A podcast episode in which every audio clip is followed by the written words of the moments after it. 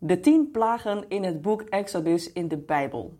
Ogenschijnlijk spontaan dood neervallende eerstgeboren zonen. Sprinkhanenzwermen. Veepest. Mislukte oogst. Het is allemaal nogal wat. Onfortuinlijk toeval? Of zijn het echt straffen van God? En hoe geloofwaardig is dit eigenlijk allemaal?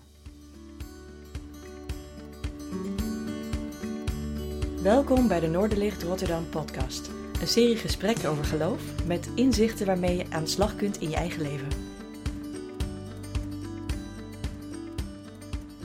Goedemorgen Niels. Goedemorgen. Wat een knagende vraag hè? Ja, nee, als je het boek Exodus leest, dan, uh, dan kom je vanaf hoofdstuk 7 tot en met 12 op die 10 plagen. En dat zijn best moeilijk te verteren hoofdstukken. Ja, uh, Netflix waardig zou ik uh, zeggen hè? Ja, nee, daar kun je wel wat beelden bij bedenken. Ja, die, ja nogal. Ja, ja een, echt een serie waar je naar zou, zou kunnen kijken. Alleen zou het dan echt gebeurd zijn. Um, is het echt gebeurd? Ja, daar, daar, is al heel lang over, wordt erover gediscussieerd. Uh, mensen denken ook wel eens van ja, we vinden er bijvoorbeeld niet zoveel in Egyptische literatuur over. Hè, bijvoorbeeld is wel eens gezegd. Dus dat ook wel weer te verklaren, want uh, toen de tijd had je nooit iets als objectieve en neutrale geschiedschrijving. Dus je beschreef de geschiedschrijving alleen door successen te vertellen. En dingen die minder goed waren, die liet je over het algemeen weg. Dat, dat deed alle volken van toen. Al vind je wel bijvoorbeeld wat aanwijzingen, bijvoorbeeld de oudste zoon van de waarschijnlijke farao die toen de tijd farao was, ja, die was niet de opvolger van zijn vader, wat op zich opmerkelijk is. en zo zijn er nog wel wat indirecte aanwijzingen. Maar meer en meer zijn archeologen er wel achter gekomen dat, dat het inderdaad wel zomaar gebeurd zou kunnen zijn.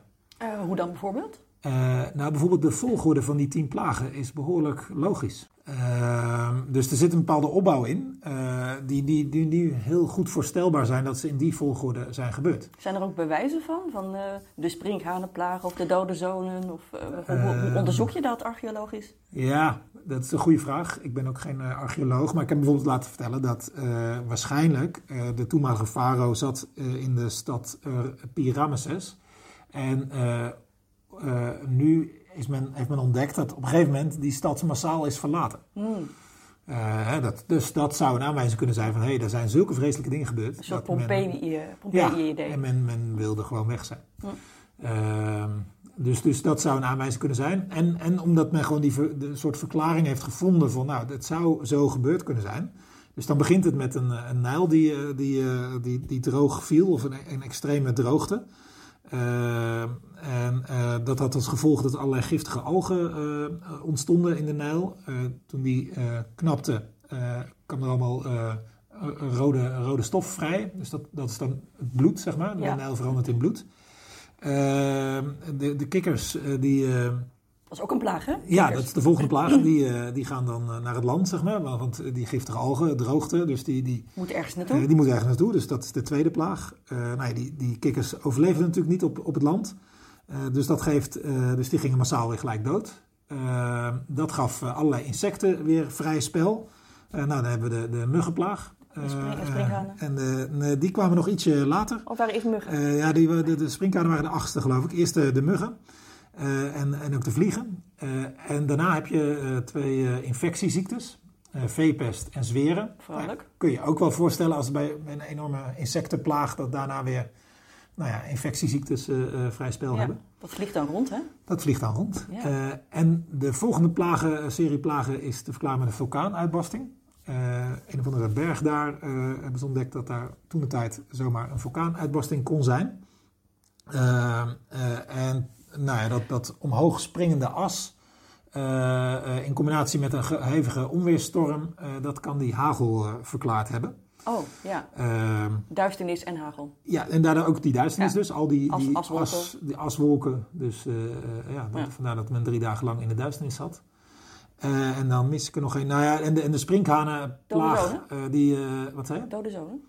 Maar dat was ja, dat is de allerlaatste. Die is dan te verklaren. Hè. Ja, kijk, het is allemaal natuurlijk wel een beetje giswerk. Uh, als ik het zo allemaal achter elkaar zeg, denk ik van ja, hoe weet je dat nou zo 100% zeker? Ergens kan ik aannemen hè, dat zo'n plotselinge droogte allemaal dingen in gang zet.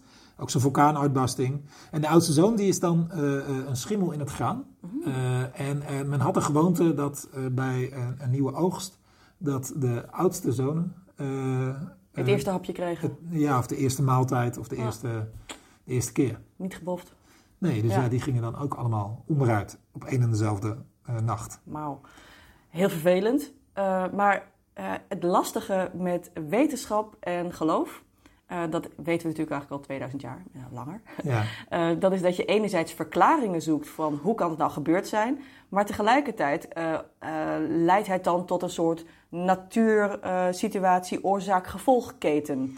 En dan kun je denken, is dat dan eh, die afzonderlijke eh, dingen een soort eh, ketenreactie die God heeft, als straf heeft gedaan? Of is dat iets wat gewoon niet geboft heb- hebben is en vervolgens projectie van de mens op wat God heeft gedaan?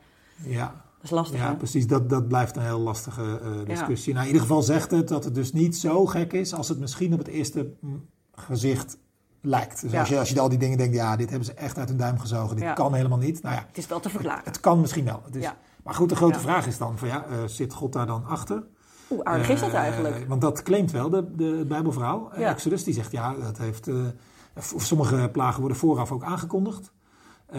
als, als duidelijke straf van God richting die farao en zijn volk. Dus Exodus zegt heel duidelijk van ja, God zit hierachter. Ja. Eh, of die gebruikt deze natuurramp in ieder geval om die farao en zijn mensen een lesje te leren. Ja, en dan zijn we op het volgende probleem natuurlijk. ja, dat is natuurlijk een beetje ongemakkelijk, hè? Want Ja. eh, God heeft ook de mens geschapen en verkiest dan de een boven de ander. En Ja. natuurlijk onderdrukt de een de ander en dan ben je zeg maar niet zo lief meer. En dan, eh, nee, dus ik kan me voorstellen dat daar een soort sanctie tegenover staat. Maar eh, het is wel bruut. Het is zeker bruut. Ja, nee zeker. Ja. En ook is dat rechtvaardig? hoe ver is hoe dat? ver is dat? Ja, en wat zegt dat over God en, en van ons beeld van Ja. wat deze God is? Nou, het boek Exodus is wel een soort eh, eh, strijd ontstaat er tussen God en de farao. Eh, en je zou kunnen zeggen een oorlog. Het, het gaat er echt hard aan toe. En ook van de kant van de farao is natuurlijk, die doet vreselijke dingen met, met het volk Israël. Uitgebuit, mishandeld, kinderen bedreigd met de dood of in de Nijl gegooid. Of nou, de, de genocide zou je bijna kunnen zeggen. Dus die, die, die, die moeten eh, niet doen alsof die farao en zijn mensen allemaal lievertjes waren die nu opeens zulke plagen op hun, eh, op hun dak krijgen. Dat waren, was een vreselijke situatie. En ook in, in het licht van de hele Bijbel wordt Egypte echt wel gezien als het toonbeeld van kwaad, zeg maar. Die, Ja. Zeker eh, toen de tijd. En ook in die regio. En die regio. Ja. Dus, de, eh, nou ja, dus die straffen komen niet zomaar uit de lucht vallen, om het zo maar te Ja. zeggen. Dus die zijn extreme maatregelen van God om die farao eh, in te laten binden.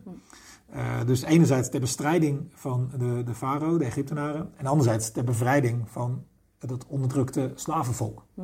Dus ze hebben wel een functie. Dus ze zijn niet Ja. zomaar om, eh, om zomaar zo ja, iemand eh, Een beetje te plagen. te plagen. Nee. Maar echt om, om, om, om die onderdrukte slaven te bevrijden. Dus met het oog op gerechtigheid. Maar gerechtigheid voor wie? Hè? Dus, ja. dus onderdrukking wordt bestraft. Ja. Ja.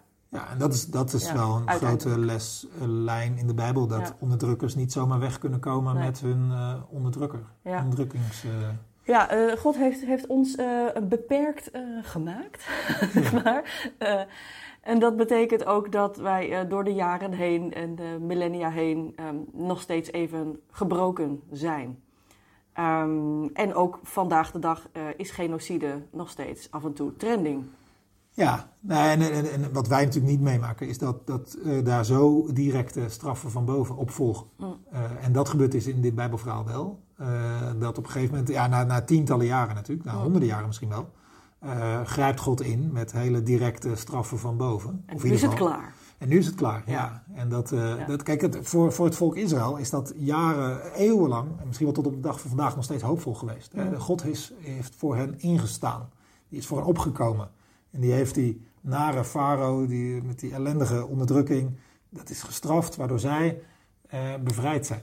Dus die zien dat juist als iets heel hoopvols. Ja. Eh, iets bevrijdends. Ja. God komt op voor zijn volk. Ja, maar zo snel ging het Mm. allemaal niet, hè? Eh, want ja, die hele tijdlijn van het begin van die plagen en het bevrijd worden of vluchten eigenlijk, en uitbreken uit Egypte.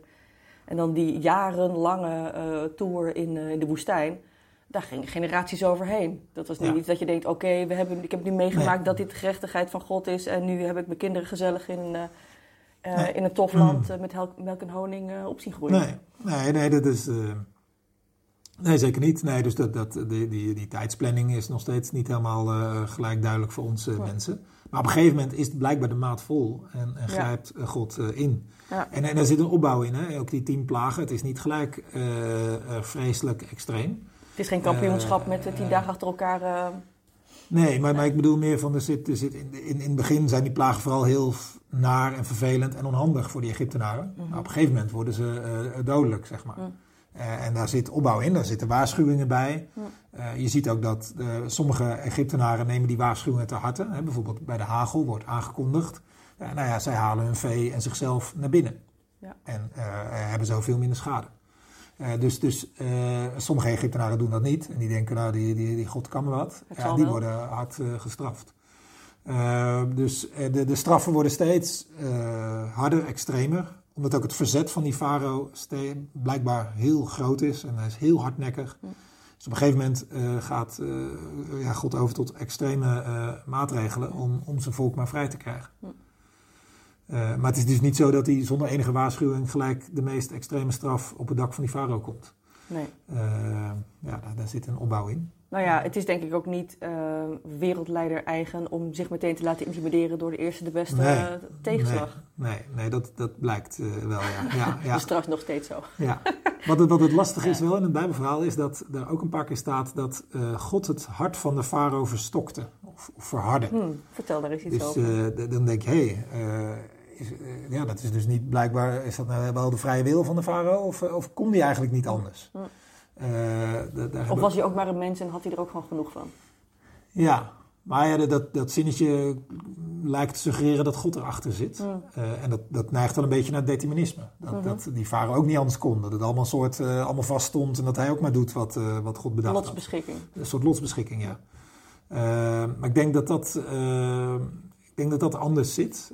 Anders kom je er ook niet helemaal uit, denk ik. Als je zo de Bijbel leest, alsof God zo eh, mensen bij voorbaat al eh, determineert en zo. Waar, waar is onze vrijheid dan en zo? En Ja. ja, als die farao toch niet anders kon, hoe, ja, dan kan je hem ook niet verantwoordelijk houden. En de kracht van de keuze. Hè, van als je zeg maar keuze hebt eh, om bepaalde dingen te doen, doe je ze dan wel of doe je ze dan niet? Eh. Of, of ben je dan zeg maar gewoon het slachtoffer van het lot? En, en moet je het gewoon dat uitleven, dat scenario? eh, Ja, Hè, dat is wel een Ja. beetje akelig. nou daarom. Dus, dat, eh, dus eh, de- dat zou ook in strijd zijn met allerlei andere Bijbelgedeeltes. Ik, ik denk dat, het, dat je het veel beter zo kunt lezen als een eh, schaakgrootmeester, zeg maar. Die aan een schaakpartij bezig is. En die, die, die precies weet wa- wat jij ook, ook doet, welke zet je ook zet. Hij weet dat niet van tevoren. Maar hij weet wel dat hij jou meer en meer in een hoek kan krijgen. Ja. Waardoor je uiteindelijk moet overgeven. Eh, dus aan de ene kant, zo'n schaakgrootmeester dwingt jou vaak tot bepaalde zetten. Mhm. En uiteindelijk brengen die jou allemaal in de problemen en moet je opgeven. Ja.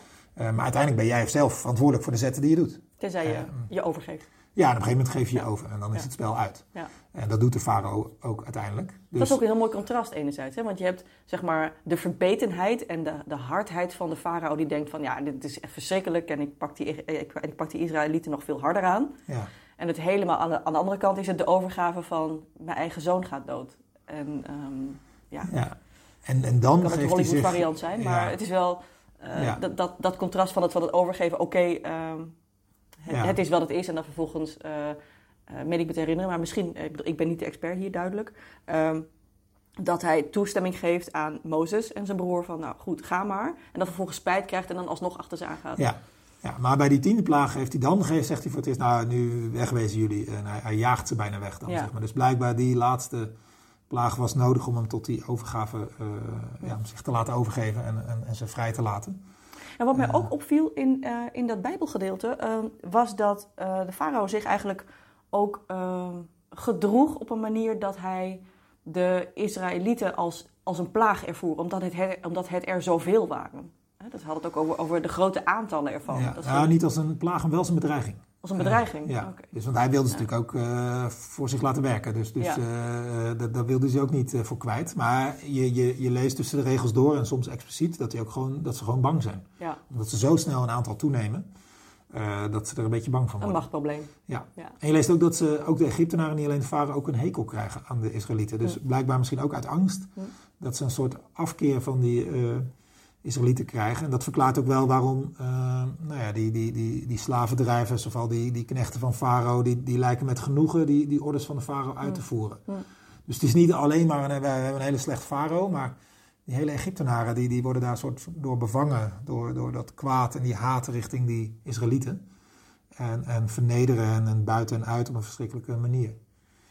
Um, ja, wat, wat um, me ook opviel, dat was, en ik weet die, die, die tijdlijn niet uit mijn hoofd, dat, dat weet jij ongetwijfeld veel beter dan ik, uh, dat op het moment dat uh, Mozes de woestijn inging, uh, toen had hij een Egyptenaar vermoord. Ja. Heeft hij iemand omgebracht. Dus uiteindelijk is met, met een soort van zonde, hmm. zou je kunnen zeggen, is op een gegeven moment het tij gekeerd, waardoor de weg naar een nieuwe toekomst mogelijk werd. Maar, dat is, maar he, he, he, heeft dat nog een bepaalde relatie tot die plagen? Of is dat echt een totaal ander beeld? Want het is wel volgens mij hetzelfde boek.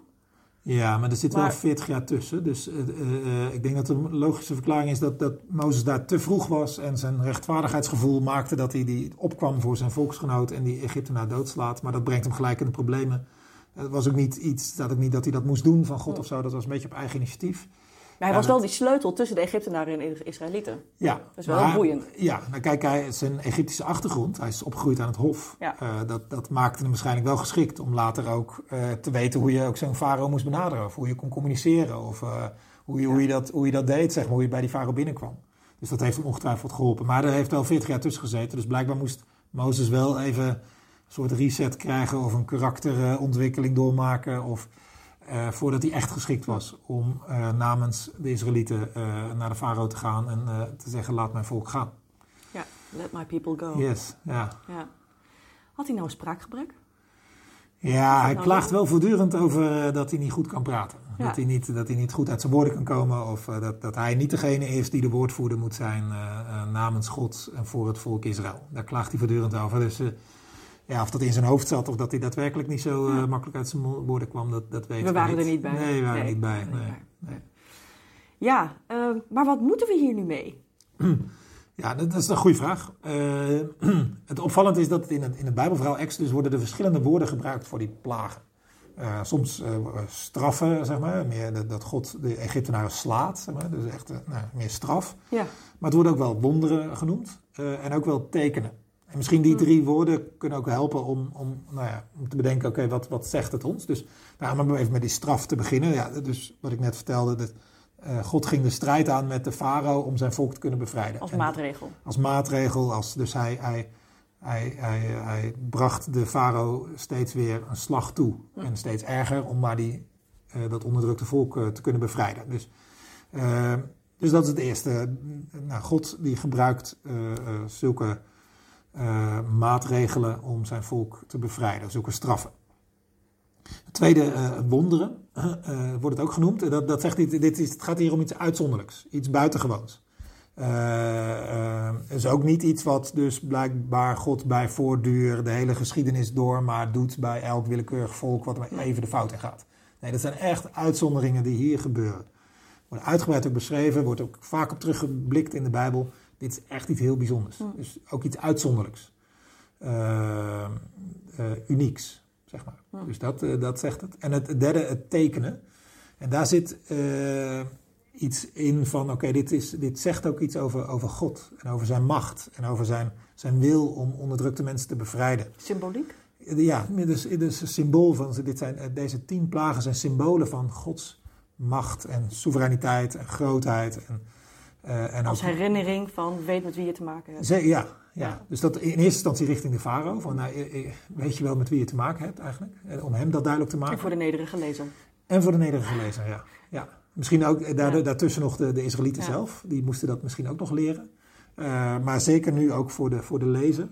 En dat, dat, dat, dat en nou heel mooi dat je het zegt, nederige lezer. Want je, je kunt nog steeds wel afvragen van ja, maar de, de mate waarin. En nou ja, zo'n zoek natuurgeweld. En nou ja, is, hoe ze... Ja is dat niet een beetje al te, ja, ja. Al te, al te Tsunamis hebben we hier ook. Ja, en, ja, een beetje ongerichte straffen en zo. Sowieso alles en iedereen uh, vernietigend. Mm -hmm.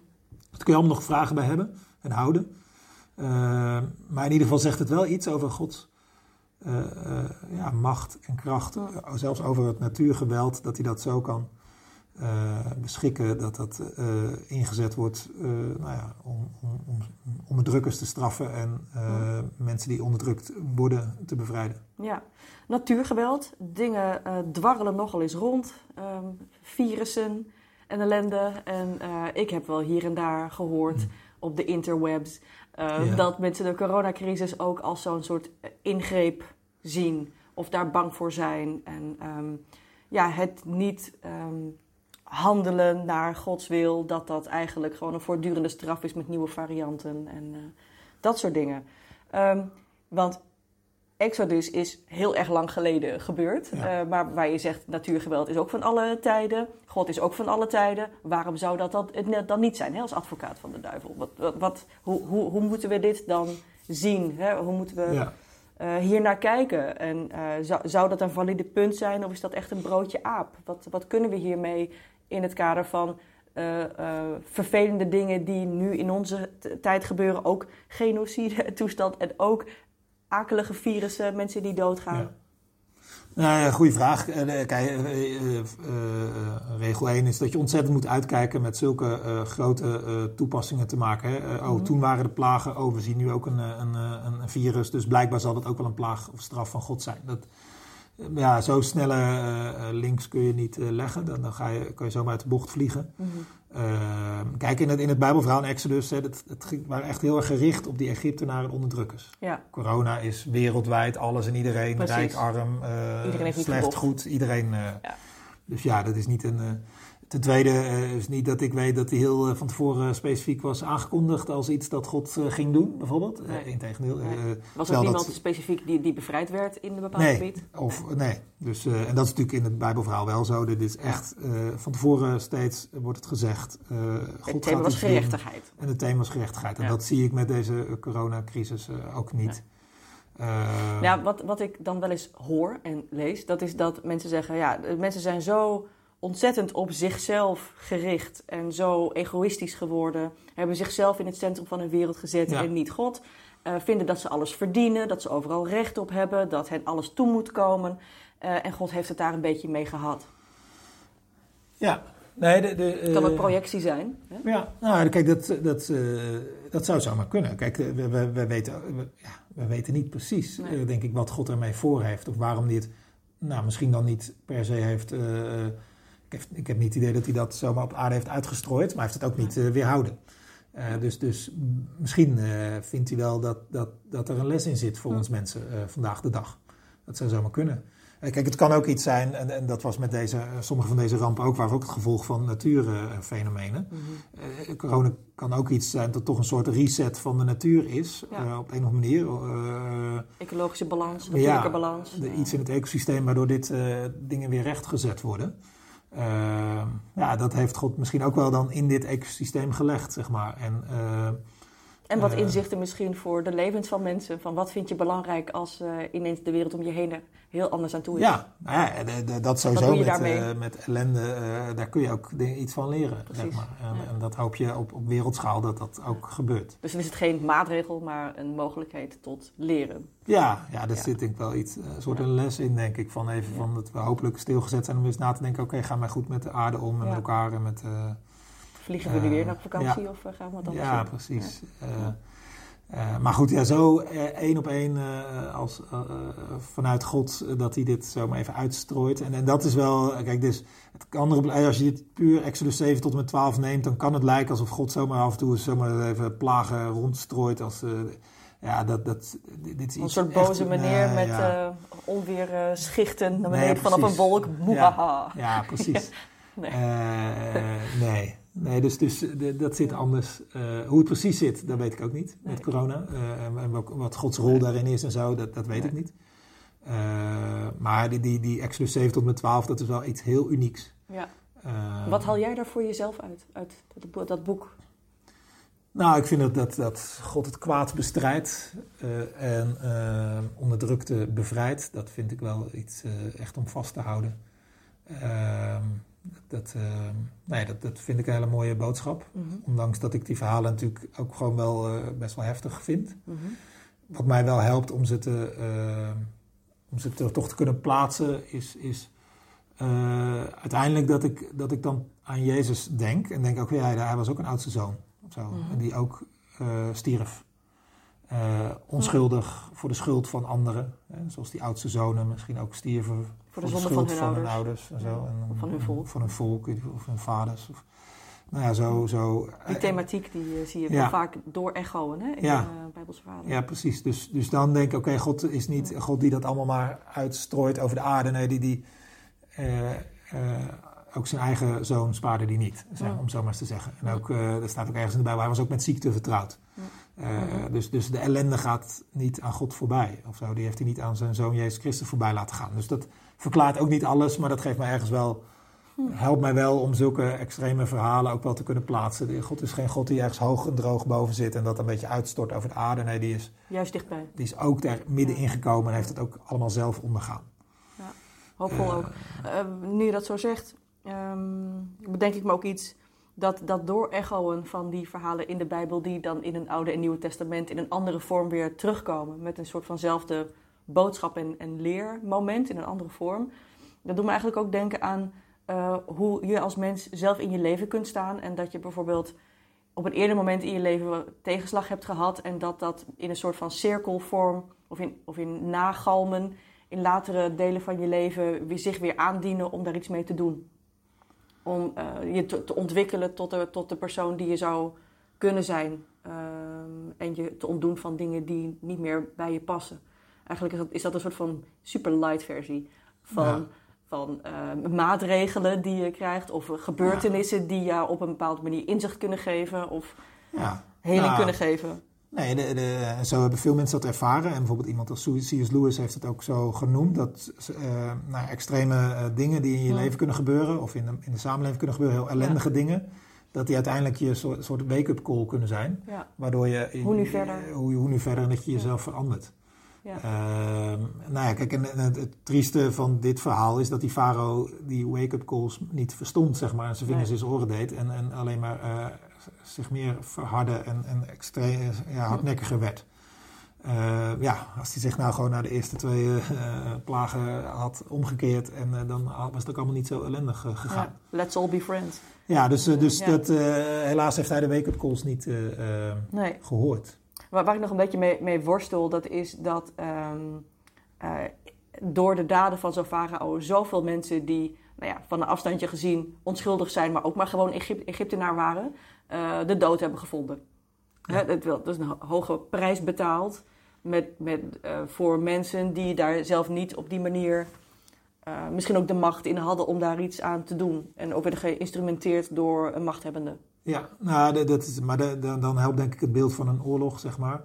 Eh, wij zijn ergens denk ik ook blij dat de Canadezen en Amerikanen in eh 44, 45 naar Europa zijn gegaan. En Zeker. en zeker hebben allerlei onschuldige Duitsers daardoor ook de, de dood gevonden. Dat is allemaal waar.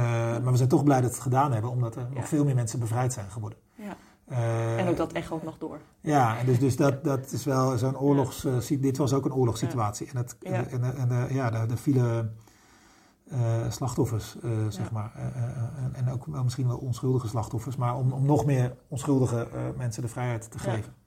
Dus ik denk wel dat het goed is om dit soort in een beeld van een oorlog eh, te zien. Ja. Misschien ook nog, dat, dat hebben we nog niet helemaal... eh, maar er is nog een diepere boodschap die erin Ja. zit. Dat, dat las ik ook ergens, dat die, die straffen waren ook wel een soort... eh, wilde ook wel die Egyptische goden beschamen, zeg maar. Dus, Mm. dus eh, Ja. eh, men, eh, de god van de Nijl. Hè, was- Horus, Horus. Het zit heel anders.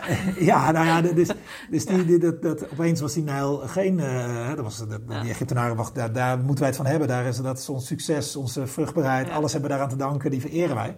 Raden Ja. zonder God en Horus en eh Isis Ja. en eh, de hele Nou ja, de dus die zonnegod, opeens eh, duisternis. Ja. Eh, eh, God is misschien wel sterker dan die zonnegod, is de boodschap. Of sterker dan die god van de Nijl, want opeens valt die Nijl droog en blijkt hij allemaal ellende te geven. Toch moe, haha. Ook die kikkers, die er werden ook allemaal symbolen van, van vruchtbaarheid. Ja, die worden opeens zijn levensgevaarlijk, of in ieder geval brengen heel veel ellende. ja. Dus er is ook wel een, een, er zit ook een soort diepere laag in dat alsof nou, die God van Israël, die, die, die. Die, die staat ver boven al die Egyptische godjes. Ja. Eh, en dat is ook een, een grote lijn eh, in de Bijbel. Dat de, de God van de Bijbel is zoveel machtiger dan welke God dan ook. En ook dat zou je nu natuurlijk ook naar nu kunnen vertalen. De, de God van economie of eh, wat, wat we ook maar hoogste status geven of de hoogste eer of aanbidden misschien wel, of dat nou geld is of macht of wat dan ook. Uiteindelijk, Godjes. het zijn godjes. Godjes. En die kunnen niet op tegen de werkelijke God. 1-0 of 10-0. Ja, uiteindelijk wel. Ja. Hij wint in ieder geval. Ja. Hij wint. Ja, eh, Ten behoeve van, eh, van, van, van, van, van mensen, Ja. van kwetsbare mensen. Ja. ja, het is misschien ook wel een mooie uitnodiging om na te denken eh, als, als luisteraar, maar ook voor, voor ons. eh, hoe dit in ons leven eh, zelf een, een, een boodschap kan zijn, wat wij er zelf uithalen. Ja, nee, dus dat, eh, ook die heftige verhalen, die hebben uiteindelijk wel een boodschap. En Ja. een, ik zelf vind een bemoedigende boodschap. Ja. Eh, maar je moet wel even doorlezen en er even op kouwen voordat je die boodschap ontdekt. Ja. Want het eerste gezicht is voor Ja. ons westerse lezers best een gek, moeilijk te verteren verhaal. Voor bij de Netflix-oppervlakte Ja. toch wat dieper graven. Ja, en dan kom je Ja. denk ik wel op hele goede, mooie dingen. Ja, mooi. Dankjewel voor dit gesprek. Ja, jij bedankt. Bedankt dat je luisterde naar de Noorderlicht Rotterdam podcast.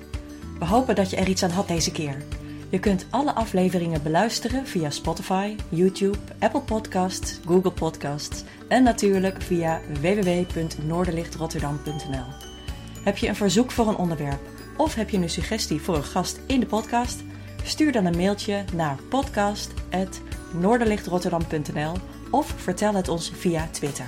Tot de volgende keer!